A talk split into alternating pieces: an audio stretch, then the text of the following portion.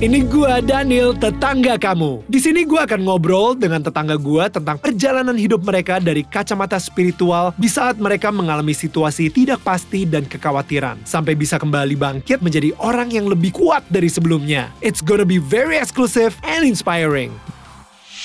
Masih ngobrol sama Tamara Geraldine di Daniel Tetangga Kamu. Dan guys, kalau misalnya kamu lebih suka dengerin podcast sambil beraktivitas gitu ya. Jadi audionya aja mungkin sambil nyetir atau jogging, nyetrika atau mungkin lagi bikin kopi. Alright, langsung aja follow podcast kita. Tinggal di search Daniel Tetangga Kamu.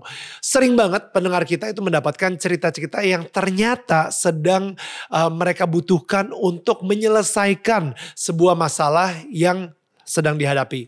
Nah, dan gue sendiri juga yakin dengan mendengarkan hal-hal baik, kita juga bertransformasi diri ke arah yang lebih baik lagi. Feel good, feel God, right? Oke, kita balik lagi ke Tamara.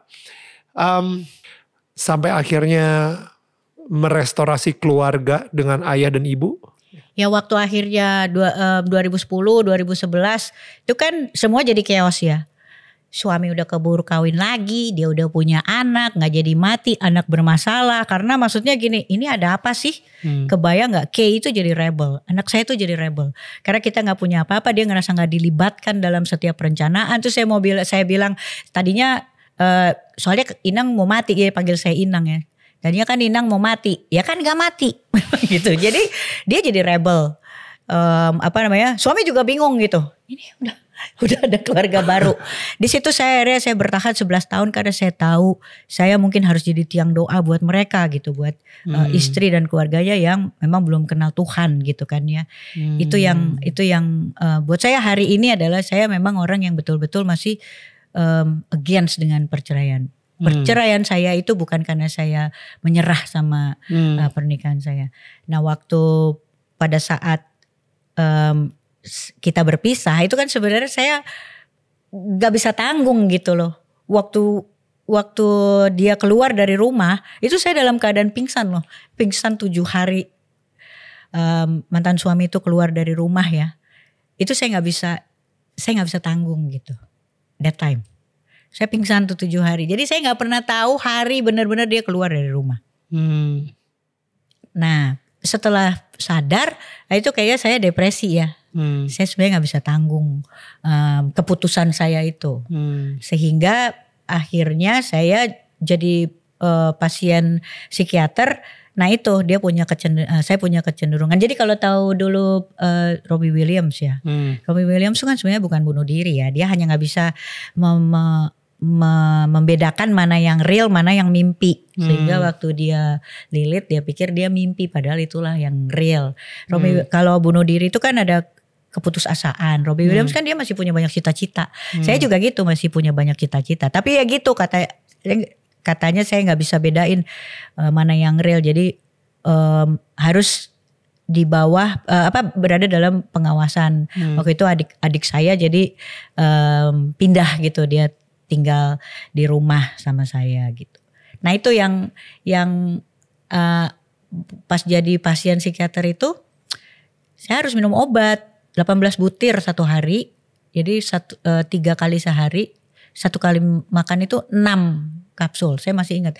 Itu kan jadi bingung ya kalau saya makan si kapsul ini, uh, si obat-obatan ini, kan ini berpengaruh pada si lever dan segala macamnya. Hmm. Jadi dia mempercepat juga kan. Jadi saya bilang sama Tuhan, tapi kalau saya nggak makan Tuhan obat ini, saya mau bunuh diri katanya setiap 6 jam. Saya nggak bisa bedain mana yang real, mana yang nanti lihat tempat tinggi, saya lompat gitu-gitu. Jadi I'm gonna die anyway. Ini mau ini masalah cuma dengan um, matinya dengan seperti apa? Iya. Dengan natural atau, atau dengan ya. lebih dramatik gitu kan ya. Terus wow. saya coba gini, since aku gayanya nggak bisa ngapa-ngapain, Tuhan aturlah saya bilang gitu. Nah di situ um, hari itu saya memutuskan saya nggak mau minum obatnya gitu.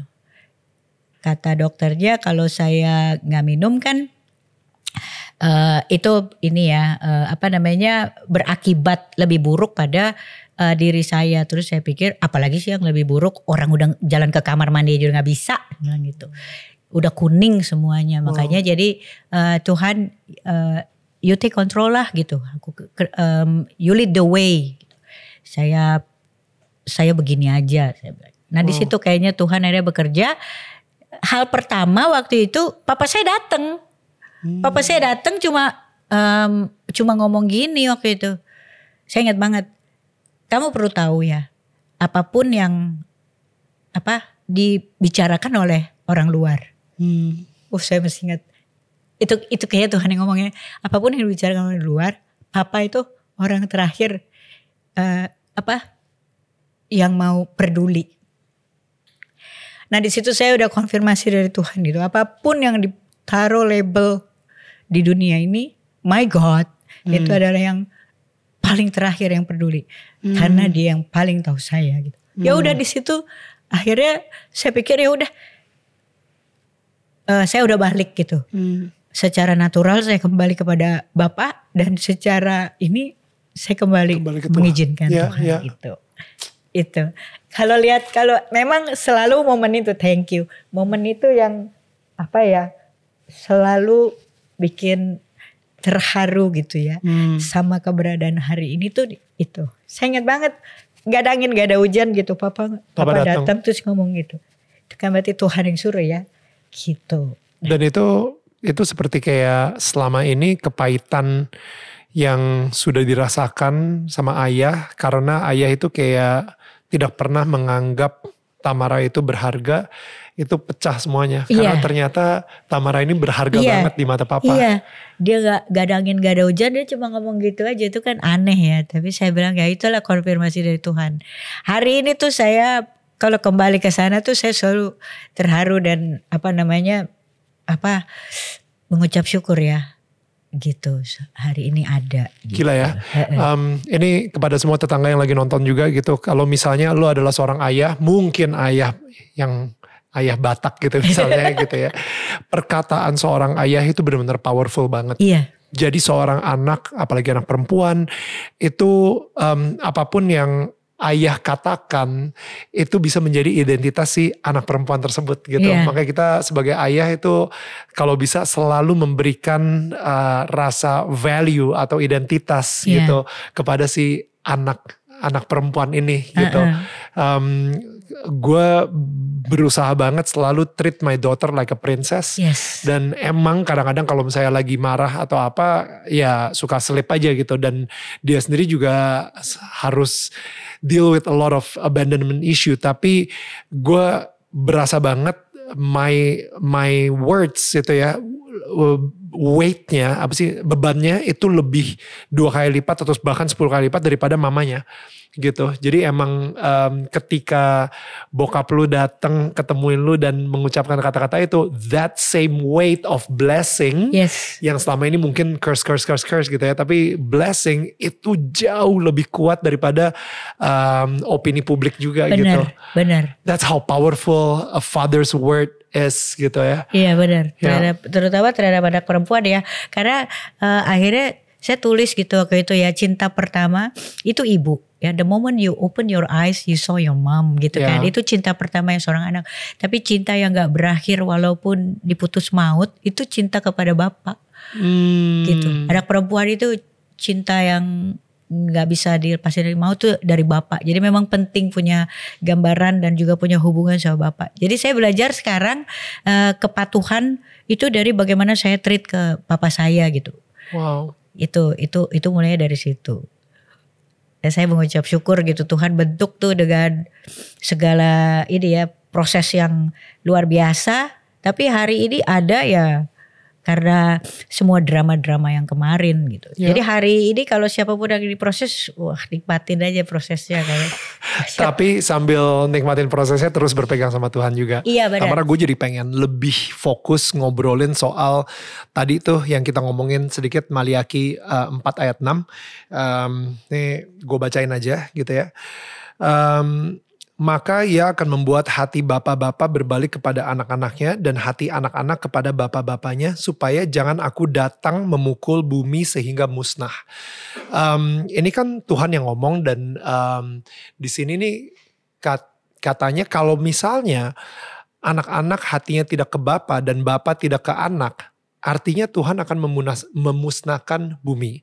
Nah, eh, you know, well mengutuk atau memusnahkan bumi gitu ya. Jadi kayak gue ngerasa um, kadang-kadang uh, this sebenarnya Tuhan itu suci, holy, cuman His holiness itu nggak akan bisa ke bumi kalau misalnya bumi ini kotor banget, unclean banget gitu. Um, and that's what happened with Sodom dan Gomora.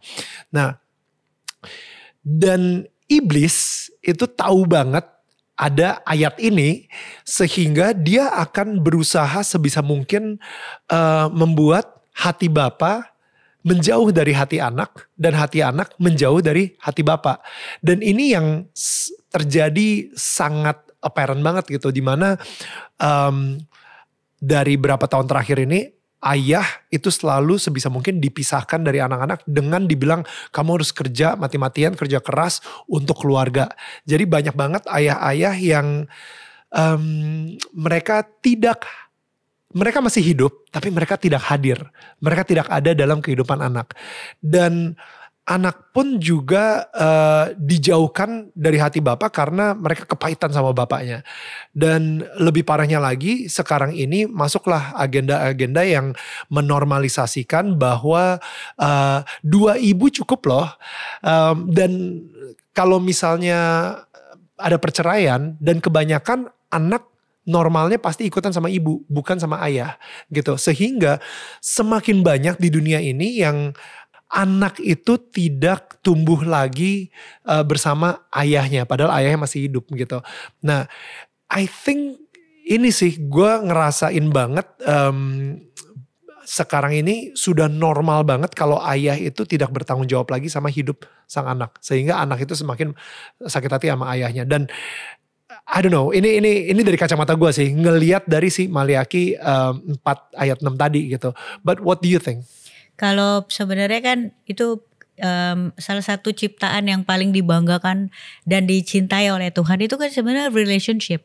Hmm. Jadi hubungan.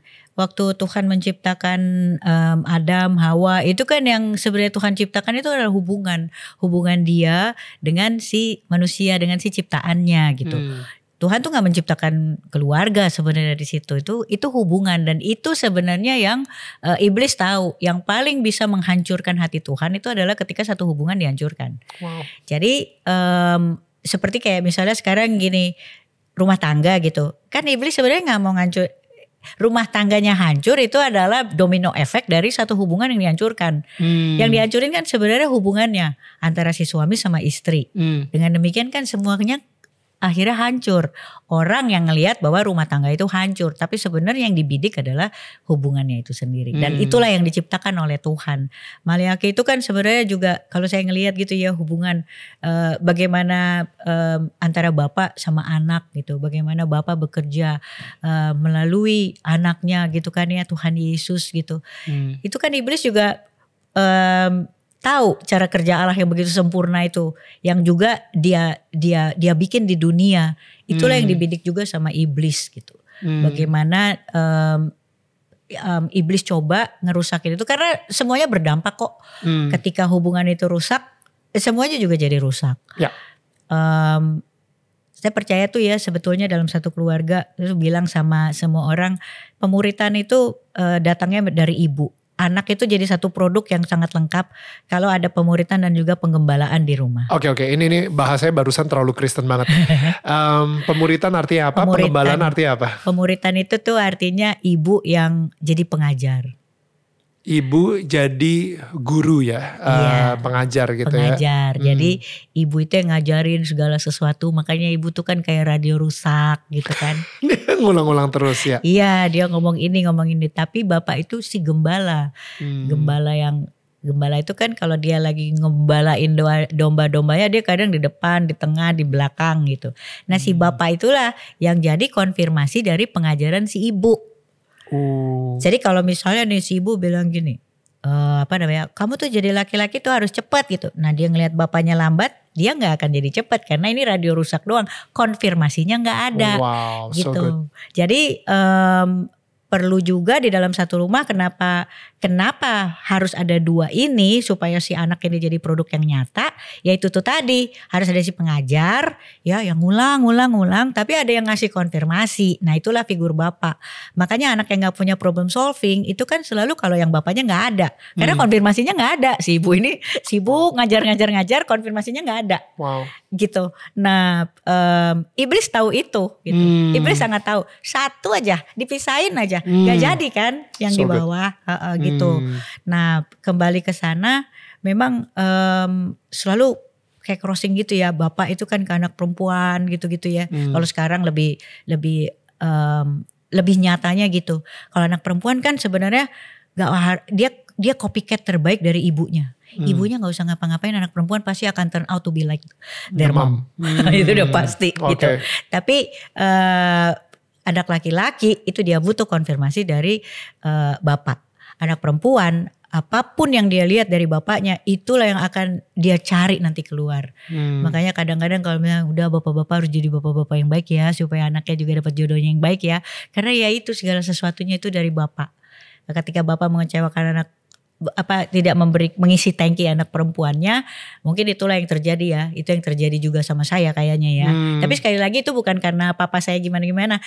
Papa saya itu kan juga orang Batak sih ya Iya, gitu ya. Jadi culture-nya aja. culture-nya sehingga kalau kembali lagi ke kehidupan saya saya lebih saya juga gak nyalain papa gitu Of ya course. dia em, sa- apa dia bukan orang apa dengan segala keterbatasannya dia berusaha Eh, saya juga karena saya nggak sekolah saya juga jadinya nggak bisa menangkap gitu Hmm. nggak bisa menjalankan uh, bagian saya untuk jadi anak yang sedikit bisa lebih mengerti gitu sama orang tua yang kayak begitu gitu. Nah itu kalau di Maleaki saya ngelihatnya em, Allah kehabisan waktu, tapi Hmm. kita juga nggak boleh lupa iblis pun kehabisan waktu. Hmm. Jadi kalau kalau saat ini iblis juga nggak punya cara lain, dia kopi-kopi cara kerjanya Allah gitu. Jadi kita Wow. sebagai orang yang eh, ada di bumi sebenarnya harusnya kejar Tuhan supaya kita tahu gitu. Karena mirip-mirip kan. Ya. Semuanya serba mirip gitu. Pengajaran-pengajaran serba mirip. Ya. Suaranya iblis juga kalau kita nggak peka-peka banget ya Mirip. mirip gitu dengan Ya. dengan Tuhan. Makanya Dan bahkan um, miracles miraclesnya juga mirip. iya. Kayak uh, ketika Musa uh, sama Firaun dan habis itu dia iniin tongkat, Tongkat, lalu iya. jadi ular dan habis itu ternyata magiciannya masih bisa Firaun juga bisa sama. melakukan hal yang sama. Jadi sebenarnya miraclesnya pun juga sebenarnya di- iblis pun bisa melakukan miracles yang sama gitu. Cuman Iya. um, apa copycatnya itulah KW-nya versi Iya, KW-nya. iya makanya saya selalu bilang dulu juga eh, hati-hati gitu yang satu mujizat yang satu sulap istilahnya gitu Hmm. kan. Cuma kita nggak bisa deteksi itu kalau kita nggak punya hubungan yang eh, harmonis sama penciptanya. Hmm. Mesti eh, memang akhirnya saya ngerti gitu ya yang namanya eh, bikin hubungan sama Tuhan itu memang harus full timer ya. Ya. Kalau dulu kan saya part time, sebentar tobat, sebentar kumat gitu kan ya. Kadang-kadang freelance lagi sesuai panggilan aja kalau lagi harus tobat tobat gitu kan ya. Gak boleh ternyata harus full time, harus mengerjakan keselamatannya secara full time gitu. Oke, tapi mungkin kita bisa jelasin dikit nih apa sih maksudnya full time? Karena full time apakah itu harus full time di gereja gitu atau full time itu sebagai sebagai pelayan Tuhan? Uh, What what can you define full time? Full time, iya benar pelayan Tuhan. Saya pelayan Tuhan itu kan berarti saya melayani Tuhan bahasa praktisnya tuh ngeladenin. Kalau Hmm. misalnya kita pelayan kan kita yang kita tahu siapa yang kita ladenin gitu. Right. Jadi saya mulai mikir kalau saya mau jadi full time yang saya ladenin Tuhan dong gitu. Nah, Bosnya Tuhan lah. bosnya Tuhan. Ya. Jadi kalau saya mulai dengan hal-hal praktis gitu. Kalau udah males dulu kan ya males dari luar habis pulang ke rumah. Misalnya nih ya males was-was. Hmm. Kalau saya udah ngantuk banget saya gini, wah Tuhan pasti nggak mau nih saya tidur sama kuman. Saya bisa, jadi saya Mandi, maksain mandi, maksain iya. mandi karena my my my body ini bukan milik saya. Saya tahu siapa yang saya ladenin. Kalau saya langsung tidur, saya ngeladenin iblis. Ya oke oke besok lu kuman gitu. Atau kalau Wow. misalnya saya mau nambah makanan aja. eh saya udah tahu deh ini berlemak ini em, apa namanya nggak bagus buat kesehatan saya. Saya ya saya tahu siapa yang saya ladenin gitu, siapa yang Hmm. saya layanin. Nah itu konsep eh, melayani Tuhan secara full time. Wow. Gigi saya aja gitu ya kalau "Oh, Tuhan mau saya sikat gigi nih sungguh-sungguh ya nggak asal-asal gitu. Nah di situ akhirnya dengan cara-cara praktis itu akhirnya jadi tegak lurus gitu. Em, apa em, nggak lagi ngelihat em, apa namanya hal-hal yang buruk ya kayak misalnya merokok atau misalnya ya apa pun itu gitu Mhm. Udah udah akhirnya tahu em, kalau kita nggak em, sungguh-sungguh ngelayanin Tuhan iblis yang tepuk tangan nah I will not let dia clapping Wow. gitu berusaha selama eh, satu hari aja satu hari ini sampai nanti saya tidur iblis gak tepuk tangan udah itu aja Wow. Ya. udah itu Karena itu pada akhirnya kita pasti akan melayani sesuatu. Ya, Iya. apakah kita akan melayani Tuhan ataukah kita melayani yang di luar Tuhan. iya Tapi intinya we will serve something gitu Iya. kan. Dan Ya. itu sebenarnya ibadah sejatinya itu ya di kehidupan sehari-hari. Jadi salah kalau misalnya bilang uh, full time di gereja di mana gitu. Yang berat itu sebenarnya waktu kita itu keluar uh, kita bermasyarakat. Hmm. Di situ tuh yang yang Tuhan mau lihat gitu. Lu bener-bener mau bener-bener ngeladenin gue nggak gitu. Kayak kalaupun sekarang itu masih ada di marketplace gitu. Cara kita menjawab uh, office boy, cara kita uh, apa namanya minta mereka apa bawain tas kita gitu. Hmm. Itu kan kita bisa periksa sendiri ya siapa Hmm. yang kau layani gitu. Hmm. Itu sebenarnya yang saya mulainya dari itu dulu Hmm. sampai akhirnya sekarang tiba-tiba Tuhan bawa saya akhirnya beneran ladangnya ladang rohani tapi saya Hmm. nggak mulai langsung langsung ke gereja dan ke mana-mana enggak saya Hmm. mulai dengan itu di tahun 2010 Hmm. sampai akhirnya Tuhan akselerasi 2015 2016 2018 saya baru akhirnya Tuhan tarik eh, jadi pembawa firman Em, ini semua kayaknya setelah lu mendapatkan restorasi dari ayah tadi ya. Kita Iya. em, kayak akhirnya nih em, seperti ada semacam identitas baru atau harga baru ketika uh, your own father gitu ya yang ngasih si identitas tersebut kamu itu berharga di mata saya dan abis itu em, kayaknya image uh, Tuhan Bapa yang di surga itu adalah ayah yang baik setelah itu gitu set- setelah you know um, I I don't know dan dan jadi sehat gitu hubungannya Iya. I don't know uh, karena gue masih ngebalikin sih ke Maleaki 46 ini lagi gitu karena emang tugasnya iblis adalah menghancurkan image Tuhan melalui Bapa kita di dunia. ya Um, karena kalau misalnya Bapak kita di dunia itu uh, toxic gitu, akhirnya kita ngelihat Bapak kita di surga pun juga kayaknya toxic, iya right? Dan ketika orang gak punya hubungan dengan bapaknya, maksudnya em, semua hubungan udah dirusak, ya kan udah gak ada jalan lain ya Tuhan harus ha- hancurkan semuanya dong. In a way. In a way right. gitu. Jadi Nah, jadi gimana kalau misalnya um, dia ini adalah seseorang yang tumbuh tanpa ayah gitu? Uh, bagaimana dia bisa mempunyai hubungan yang sehat sama Tuhan sebagai bapaknya? itu em, apa namanya? Waktu itu sebenarnya ya ini ini lucu. Saya udah ngerasanya waktu itu ya udahlah I'm an orphan gitu kan ya. Wow. Jadi eh, nggak ada justru untuk mereka-mereka yang nggak punya bapak, ini buat saya ya, itu justru lebih gampang gitu untuk Hmm. datang kepada Tuhan, I'm an orphan gitu loh. Hmm, So, I, adopt me. ya, Ya. I accept gitu, I accept karena memang nggak ada, saya nggak punya gitu. Hmm, Saya ngerasa lebih berat untuk mereka yang you know you have one, ya. tapi you don't feel like you have one gitu. Wow.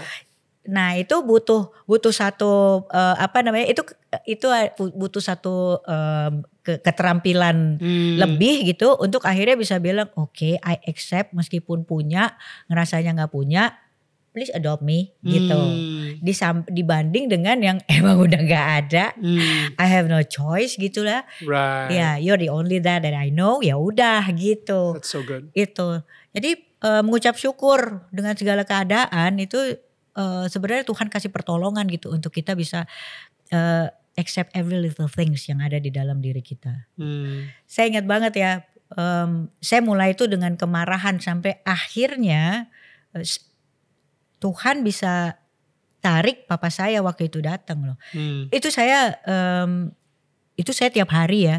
Saya cuma baca Mazmur. Oh ya. Bukan bukan mau bermasmur tapi bete banget saya Ma- sama Mazmurnya yang bete-bete ya, yang Enggak, Tuhan enggak. kenapa bla bla bla. Yang- enggak, saya nyari kesalahan Daud. Oh wow. Kacau nggak nih? No no no, it's good. Eh, no, no, no, no, jadi jadi saya memulai dengan kemarahan waktu itu ya. Tapi sebenarnya kemarahan saya itu kan with my dad ya mungkin ya waktu itu ya. Jadi saya tuh saya ini kenapa sih namanya ini the beloved gitu. Saya udah nggak bisa jalan ya, sudah kuning semua di situ. Wow. Ya cuma cuma ngelihat kenapa namanya dia the beloved gitu. Hmm. Apa karena dia nulisnya bagus? Terus saya ngelihat ini I'm a writer too. I can do better than him. You Wow. know what? Saya bilang kayak gitu. Wow. Terus saya bilang tunggu ya. Saya udah gak bisa ngapa-ngapain. Jadi saya cuma bisa menulis. Hmm. Setiap hari saya tulis tuh dua baris paling enggak. Itu saya udah ngomong sendiri sama Tuhan. Ya kan bagus kan, lebih bagus kan, lebih bagus kan. Besok saya tulis lagi, besok saya tulis lagi. Ya kan bagus kan, lebih bagus kan gitu.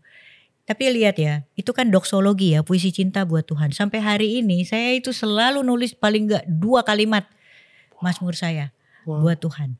Saya sampai bilang kayak gini, gara-gara Tuhan kasih nama dia the beloved Tuhan. Ini papa saya aja ngasih nama adik saya tuh David. Adik saya tuh namanya David. Ya The kan beloved. seluruh dunia itu ngasih nama David karena nama David itu artinya the beloved. What's wrong with my name? Saya bilang gitu sama Tuhan. Hmm. Dan ketika saya terus tulis tulis tulis tulis tiba-tiba papa saya ngomong kayak gitu gitu. Itu kan Tuhan ya Hmm. yang yang yang Wow. yang gerakan gitu. Tapi begitu akhirnya saya dapat konfirmasi itu dari papa saya ya, Tuhan hidupkan gitu ya apa yang dia sampaikan, saya tetap nulis gitu. Saya tetap nulis, tapi saya udah mulai nggak keras. Kalau saya nulis yang pertama-pertama gitu kan untuk membuktikan bahwa I can do better than Daud gitu gitu ya. Wow. Tapi akhirnya hari itu Tuhan tuh paksa saya untuk menuliskan puisi cinta saya buat Tuhan. Saya bikin Mazmur saya sendiri sampai hari ini. Itu saya bilangnya doksologi tiap hari. Karena Tuhan mungkin tidak membangunkan saya besok pagi. Jadi sebelum eh, tutup hari saya terbiasa nulis dua baris sampai hari ini gitu. Itu saya saya bilang sama Tuhan sebenarnya caranya Tuhan mengembalikan hati itu tuh caranya natural banget. Bahkan dari kemarahan dia bisa ngembalin hati bapak kepada anak, hati anak kepada bapak. Jadi saya cuma mikir gini, kalau hari ini ada se- seseorang di luar sana yang memulai dengan kelemah lembutan, pasti nggak butuh 11 tahun kayak saya. Karena hatinya keras banget. iya makanya gitu. Saya saya encourage orang-orang ya. He did this to me gitu ya. Pasti dia more than willing to do it to you guys gitu ya. Tapi saya memulai dengan keras banget dengan marah banget ya. It took me like 11 years. Ya maybe kalau hari ini you guys start dengan hati yang very very tender gitu ya. Open ya. Selebar mungkin. Gak perlu 11 tahun Tamara ini gue yakin banget tetangga kita kalau misalnya lagi nonton itu jadi penasaran gimana sih cara bikin apa tadi Do- doksologi apa tadi judulnya? doksologi itu kan artinya puisi cinta buat Tuhan Oke. Ha-ha, jadi eh, saya tulis doksologi eh, puisi cinta untuk Tuhan doksologi karena ia mungkin tidak membangunkanku besok pagi. Hmm. Jadi hari ini malam ini saya harus kasih masmurnya itu. Saya harus eh, apa namanya? kasih puisi cinta buat Tuhan. Kalau saya nggak bangun, hari ini saya tutup dengan puisi cinta buat Tuhan gitu. bisa kasih contoh nggak? Misalnya, jadi siapa tahu ini ini menginspirasi dan ada tetangga kita yang akhirnya ah gue pengen lah ngelakuin kebiasaannya Tamara ini di hidup gue juga. Setiap malam gue akan memberikan puisi cinta untuk Tuhan. Can you share a little bit from from your puisi gitu? Iya kayak em, kita ke ke ke Mazmur deh ya nanti eh, buka Mazmur gitu kan. Itu kan di Mazmur kayak misalnya Daud itu lagi ngomong em, apa namanya ada ada ada Mazmur 91 aja ya misalnya gitu kan ya. Ada yang eh, aku aku menjawab mereka yang berseru kepadaku gitu kan ya. Aku ambil dari situ aja. Hmm. dari kata Tuhan pasti menjawab orang yang berseru kepada dia gitu kan ya. Itu aku bisa langsung tulis lagi seruanku baru kemarin, hari ini begitu lain gitu. Jadi eh, ini tuh udah udah udah jadi pujian penyembahan kita sendiri Jadi gitu. puisi tersendiri. Puisi tersendiri padahal Tuhan. itu cuma dua kalimat gitu, tapi diambilnya dari situ, dikembangin It's gitu. beautiful. Terus kayak misalnya eh, ada ada saya lupa tuh ya dibilang eh, apa Mazmur 19 itu dibilang bahwa eh, apa namanya hukum- em, yang kita baca firman itu adalah buat mereka orang-orang yang tidak berpengalaman gitu kan ya. Hmm. Di situ tuh udah bisa bisa dikembangin oh buat orang yang berpengalaman. Berarti orang yang nggak punya pengetahuan, berarti orang yang nggak berhikmat. Udah tulis sesekali Allah perlu mendisiplinkan tanpa pernah meninggalkan. Itu udah Mazmur sendiri gitu. Itu yang udah dua kalimat then I go to bed. Kalaupun aku gak bangun, aku more than a winner. Aku lebih dari pemenang. Wah. Lu itu pu- mempunyai hubungan dengan Tuhan tuh seintim itu ya. Em, gimana sih kok gue gak tau apakah ini tetangga-tetangga kita yang lagi nonton gitu ya apakah kalian kayak ngerasa gue sih lumayan apa ya bisa kayak envy gitu gitu kayak kok lu intim bisa seintim itu sih sama Tuhan how how do you do it Kalau ditanya gitu ya, kapan kapan benar-benar pengen check out gitu ya. Malam ini loh, saya selalu bilang sama anak-anak saya ya, bahkan hari ini ya saya bilang kalau ditanya ya, kapan waktu yang paling baik untuk pulang, itu justru hari ini, pulang ke Tuhan pulang ke Tuhan gitu. Karena saya ngerasa gini, ini I wanna meet you ya, in person. Um, lihat, look at me now. Semua aku punya gitu loh. Ada keluarga yang saling mengasihi, punya tiga anak yang manis-manis gitu. Ini yang ngasih tuh, I wanna see the giver gitu. Hmm. Terus saya selalu bilang, um, saya bilang gini, dulu waktu siaran bola ya, Hmm. itu kan tim yang udah ngerasa menang banyak, Hmm. itu pasti dia pengen banget wasit tuh new peluit panjang. Ya.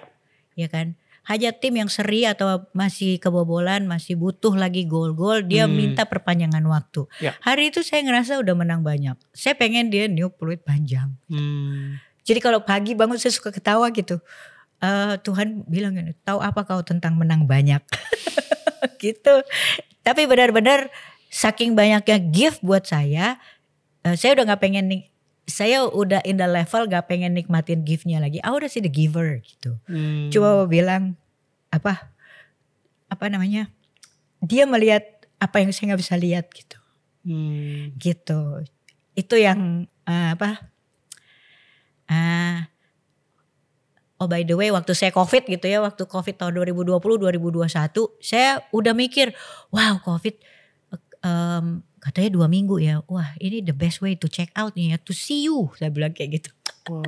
karena eh, semuanya kayak tertata dalam dua minggu gitu. Eh dua minggu saya nggak kenapa-kenapa juga. Saya bilang Tuhan saya kok lolos-lolos dulu gitu kan. gitu jadi em, kalau ditanya kapan rindunya rindunya sekarang. Tapi Hmm. saya tahu eh, saya mungkin nggak fair juga ya. Saya menyakiti Tuhan Hmm. puluhan tahun terus tobat baru diproses baru 13 tahun. Tuhan Hmm. pasti mau ini kesaksiannya eh, diperpanjang gitu. Jadi saya bilang ya udahlah suka-suka Tuhan. Jadi saya ngikutin prosesnya aja sekarang. Walaupun banyak yang eh, buat saya gak terlalu menyenangkan ya Tuhan paksa saya buat sekolah gitu. Hmm. Saya nggak saya mah sampai hari ini saya masih nggak suka sekolah. Tapi Tuhan yang suruh saya mau ikut aja gitu. Hmm. Ya udah itu sih sebenarnya Hmm. em, yang saya rasain. Hubungan itu menjadi intim karena em, ya apa ya?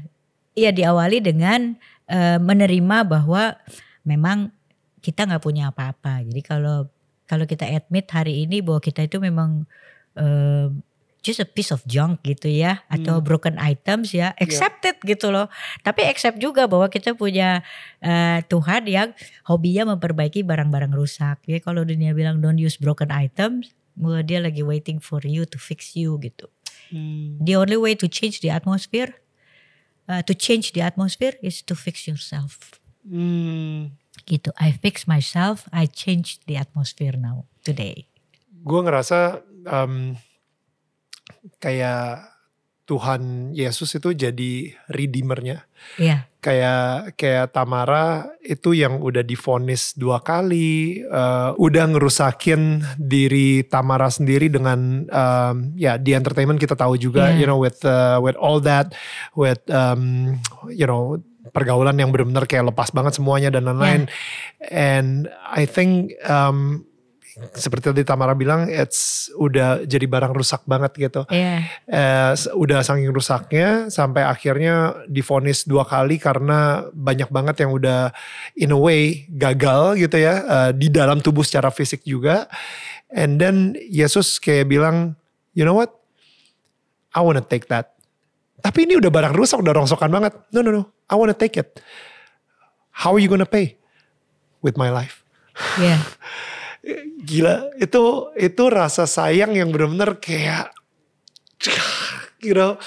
Dan di situ akhirnya Tuhan ngeliat Tamara itu sebagai holy. Udah bukan lagi sebagai good person atau great person atau orang yang mempunyai good moral, tapi holy, you know. And that's that's that's beautiful.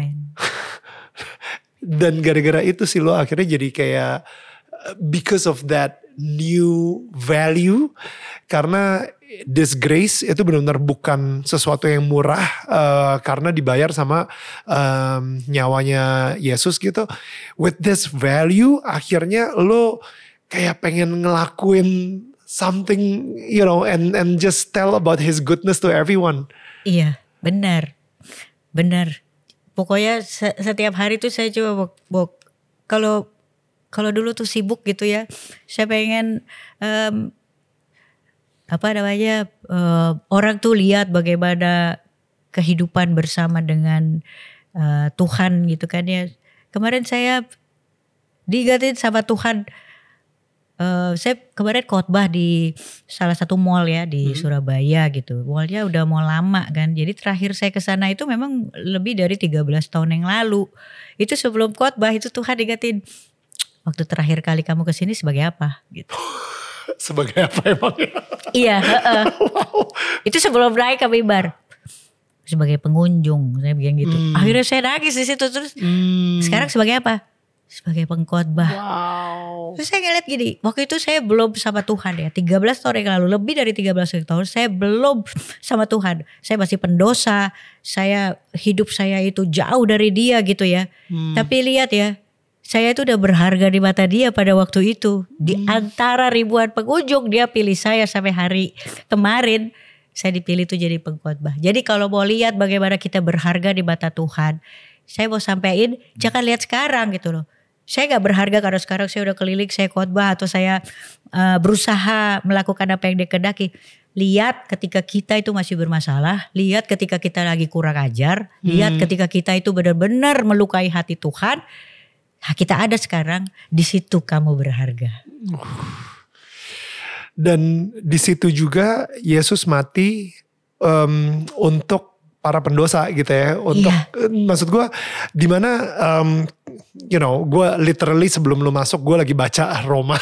Jadi Roma, ya. eh, dan di situ dia bilang kayak kayak em, ini ini ada surat dari Paulus gitu ya kepada eh, uma, apa sih gereja di Romanya Roma, itu. Dan di situ dia bilang kayak iya normal-normal aja kalau misalnya ada seseorang mati buat orang baik. Bahkan orang yang paling baik pun dan dia berkorban hidupnya.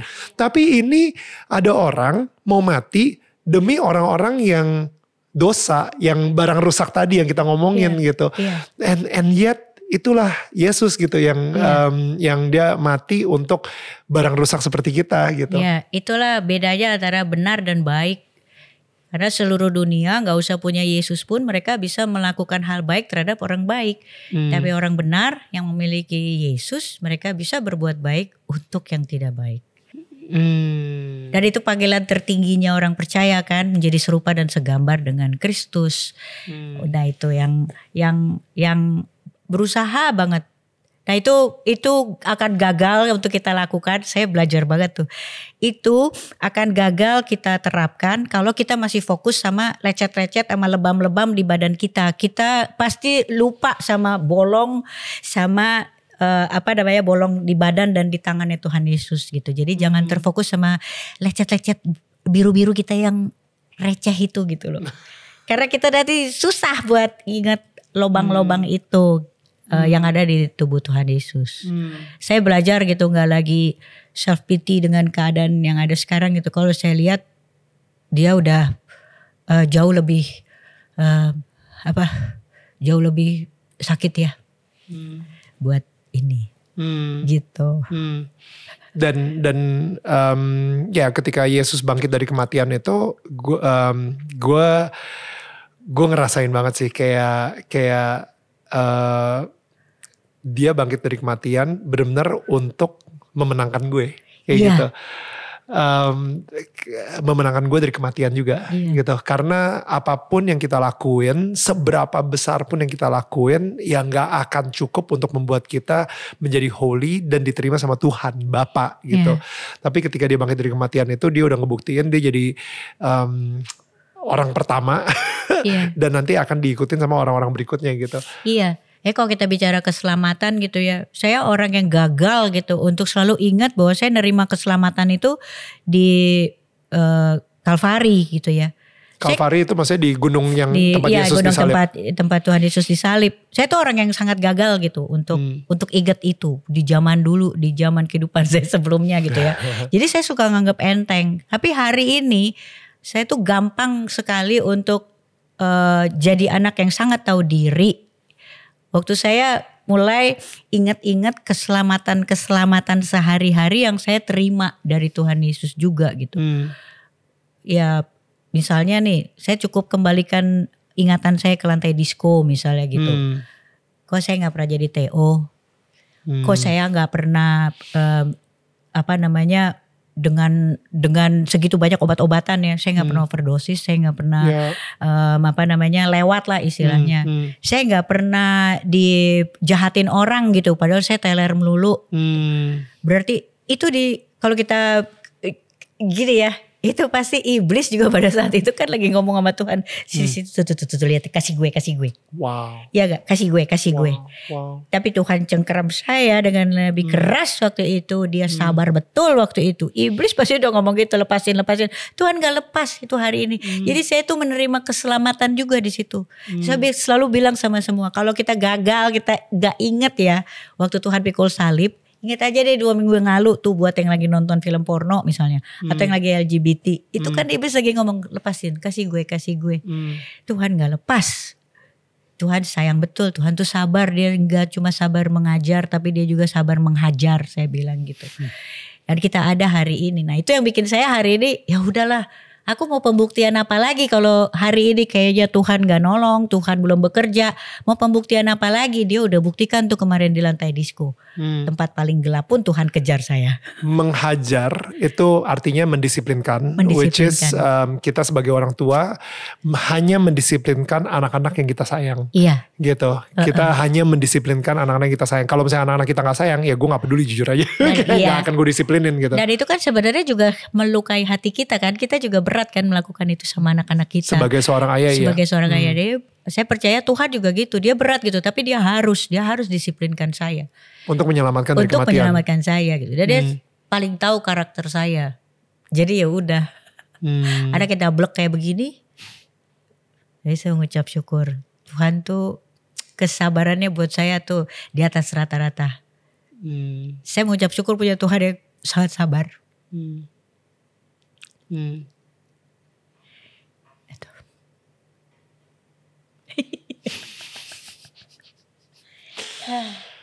It's like look where we are now. Iya. If it's not because of his patience. Iya benar. Jadi waktu pas itu ada lagi satu. Saya bilang waktu pas mulai eh, baikan sama Tuhan ya. Saya kan ya kayak gitu. Saya bilang Tuhan oke oke kita baikan ya, baikan ya.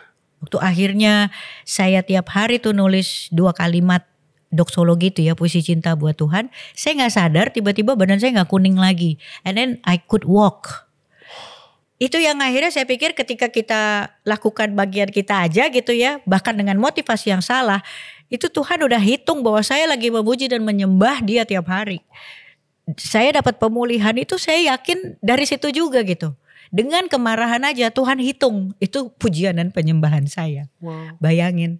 Jadi waktu saya mulai mikir, wah kok saya eh, mulai nggak kuning ya gitu. Terus saya bisa jalan empat langkah ke kamar mandi gitu. Akhirnya saya bisa tegak.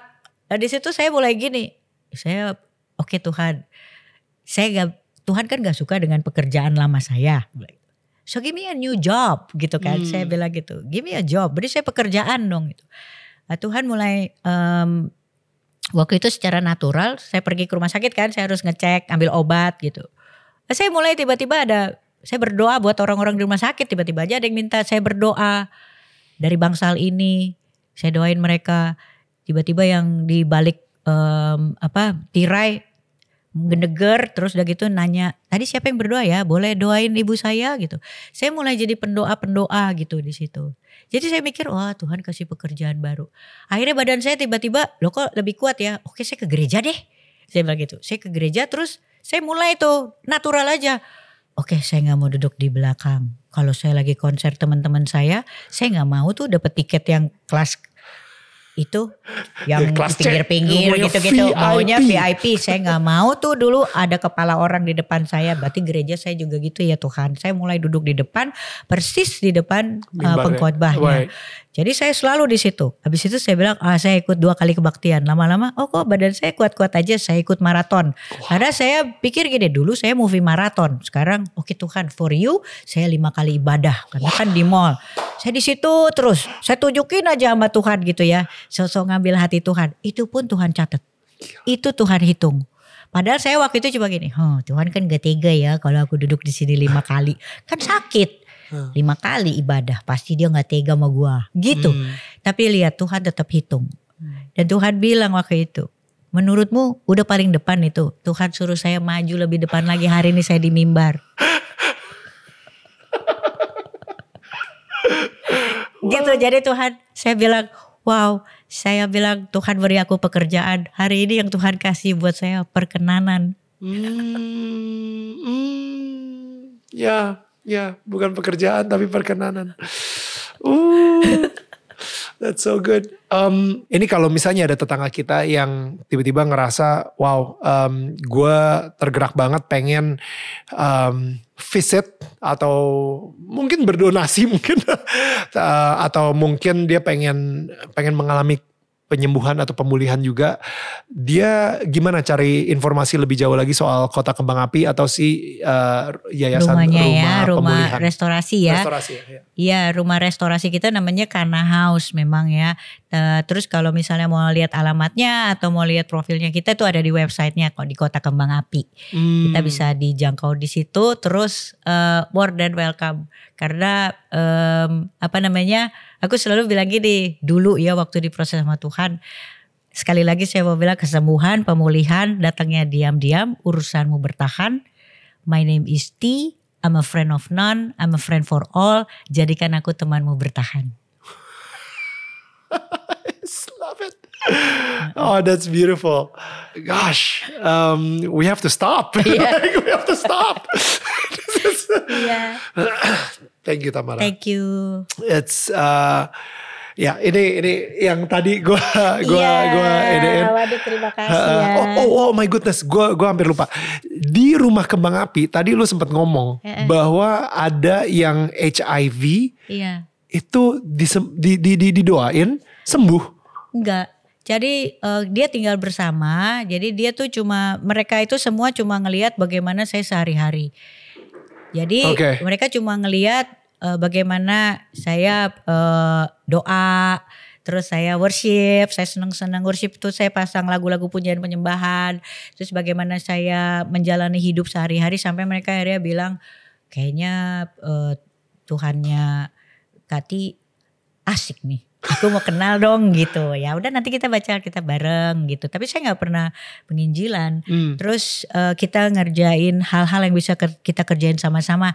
Yang bisa menulis, ayo menulis bersama saya. Ada yang bisa ngurusin em, apa? Ada pabrik es gitu ya, UMKM. Ya udah lakukan aja. Tapi ketika mereka saya berbagi hidup dengan mereka, tiba-tiba mereka pulih, Hmm. eh, mereka sembuh. Makanya nama rumah itu sendiri udah kami beri, udah udah kami kasih ya saya dan suami. Sekarang kan ketua yayasannya Paul, Hmm. udah kita kasih buat pekerjaan yayasan. Jadi tapi namanya bukan rumah singgah, namanya rumah pemulihan. Jadi mereka yang pulih, kami yang singgah. Kalau rumah singgah, mereka singgah doang, nggak pulih Hmm. gitu. Nah, eh yang HIV, yang apa, semua sembuh, semua sembuh. Sembuh, Eh, wait wait, maksudnya sembuh itu berarti dia HIV, eh, dia tes HIV positif, abis itu dia tes darah lagi HIV negatif. Iya, iya, Come on, benar. itu itu muzizat. Karena HIV sendiri kan sepertinya udah Iya. eh, seumur hidup gitu. Iya. Nah itu aja waktu pas akhirnya one by one semua orang-orang kan sembuh, ganti lagi, sembuh, ganti lagi gitu kan ya. Saya sempat bilang sama Tuhan, Tuhan ini kok semua em, jadi waktu itu sebenarnya ya, oke saya ceritain aja. Saya coba berdoa gini, Tuhan ini kan saya mau mati, boleh nggak kirim orang-orang yang mau mati juga supaya kita bisa mati bareng. Karena rumah ini sepi banget. Terus Tuhan tiba-tiba kirim gitu orang-orang yang punya mental sickness gitu. LGBT. Terus mereka bertobat. Terus mereka minta baptis. Oh, kok mereka sembuh sih Tuhan gitu. Terus Tuhan kasih lagi yang HIV. Terus sembuh. ganti lagi. Saya bilang gini. Tuhan kenapa ya mereka semua sembuh? Kok gak jadi pada mati juga gitu. Tanpa saya sadar saya juga gak mati-mati sampai hari ini gitu. Jadi jadi itu yang saya bilang Tuhan tuh luar biasa. Tuhan tuh ajaib gitu loh kita lakukan aja bagian natural kita, supranya itu pasti dia tambahkan. Gitu. Oh, yes, yes. Iya.